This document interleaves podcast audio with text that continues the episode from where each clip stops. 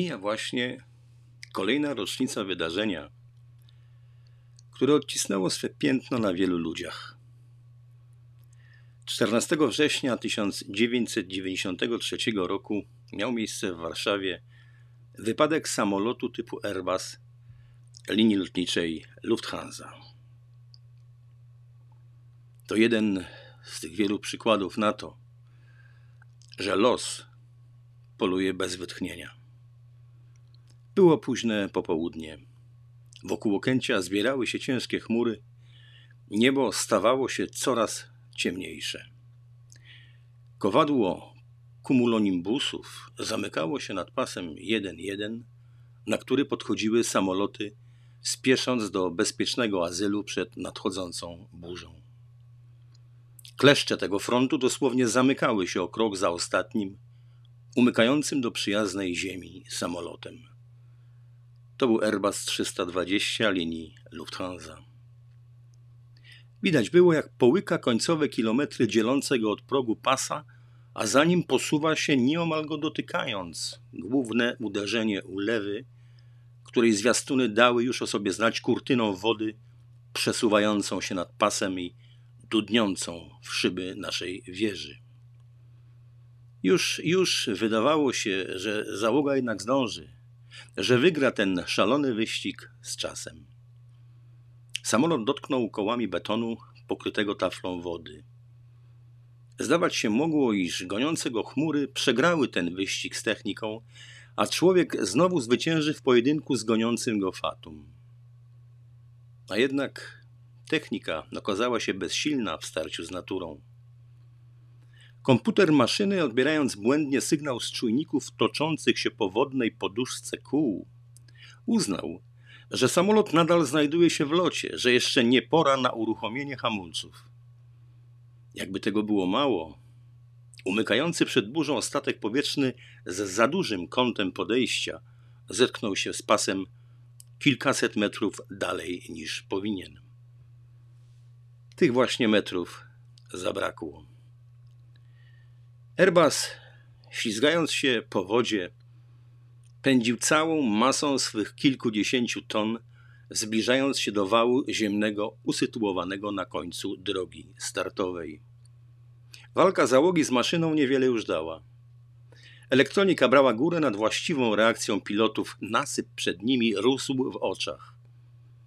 Minęło zaledwie kilkanaście sekund i samolot uderzył weń z ogromną siłą, po czym odbił się, poderwał do góry i spadł, przełamując w pół. Stało się najgorsze. Rozbił się samolot. Dramat. Ofiary śmiertelne, wiele osób rannych, zniszczona maszyna i urządzenie radionawigacyjne przy progu pasa. Zginęły dwie osoby, w tym jeden z pilotów. 51 zostało ciężko rannych. Ale los pokazał wtedy, że to jeszcze nie wszystko, na co go stać. Los zapragnął tego dnia być myśliwym do końca.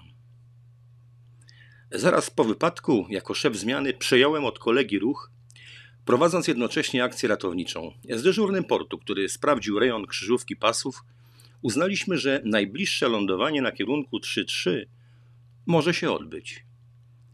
Dzień to był szczególny. Po 50 latach wracały właśnie do kraju rządowym samolotem szczątki generała Władysława Sikorskiego. Trzy dni później, 17 września, miały spocząć w krypcie na Wawelu. Wydarzenie ogromnej wagi. Na lotnisku rządowym przedstawiciele najwyższych władz państwowych, środowiska kombatanckie, dziennikarze wszystkich stacji radiowych i telewizyjnych, zarówno polskich, jak i wszelkich akredytowanych ówcześnie w naszym kraju. Postać generała Sikorskiego, a zwłaszcza jego tragiczna śmierć, była zawsze otoczona ogromnym zainteresowaniem mediów, również światowych. Przypomnijmy tu, że generał zginął 4 lipca 1943 roku w Gibraltarze w czasie inspekcji wojsk Armii Polskiej na wschodzie. W katastrofie samolotu Liberator zginęła jego córka, szef sztabu naczelnego woza Tadeusz Klimecki i siedem innych osób.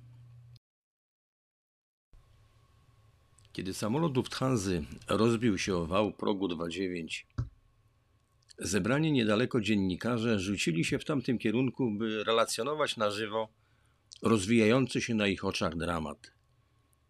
W ciągu kilku minut od wypadku, za płotem okalającym lotnisko, pracowało kilkanaście wozów transmisyjnych z czaszami anten satelitarnych na dachach.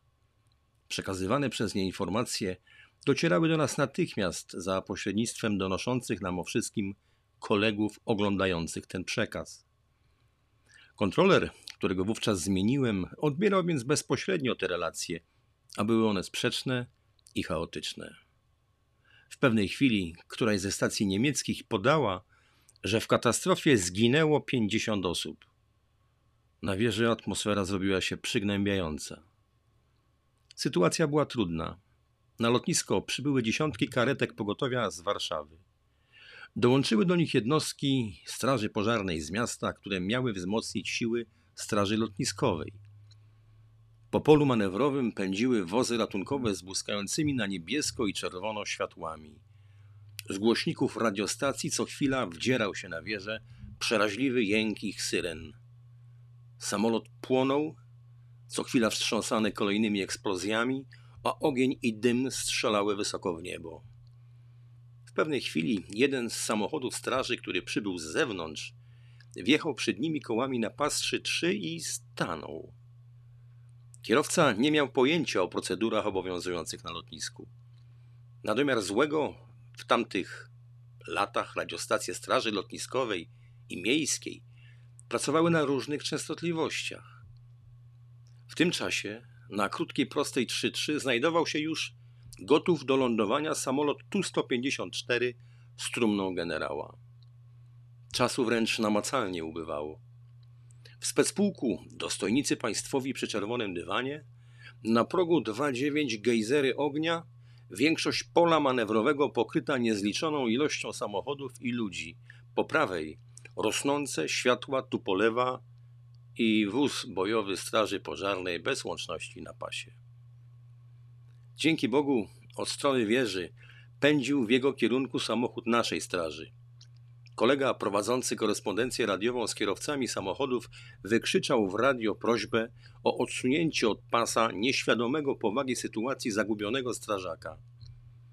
Ratownik z lotniskowej straży pożarnej przytomnie zaczął słać do stojącego po drugiej stronie drogi startowej sygnały światłami drogowymi.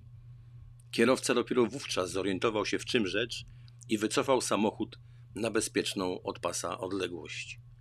W ostatniej chwili wydałem zezwolenie na lądowanie dla samolotu niosącego do ojczyzny szczątki wielkiego Polaka. Do końca byłem przekonany, że to lądowanie powinno się odbyć za pierwszym podejściem. Dużo później musiałem wydać jeszcze jedną zgodę na przecięcie pasów przez radiowóz policji i samochód prokuratury w towarzystwie innych kolegów bezpośrednio zaangażowanych w pracę podczas wypadku odjechaliśmy do tymczasowego punktu koordynacji akcją ratowniczą, gdzie zostaliśmy poddani badaniom trzeźwości i wielogodzinnemu przesłuchaniu. Przyjmujący zeznania starał się chyba za wszelką cenę wpisać do annałów dowcipów o policjantach sporządzających raporty powypadkowe. Do domu wróciłem o drugiej nad ranem. O siódmej zaczynałem kolejny dyżur. Kiedy wróciłem na fotel kontrolera, nad wrakiem samolotu krążył policyjny helikopter, z którego fotografowano miejsce wypadku. Z gliszcza jeszcze dymiły.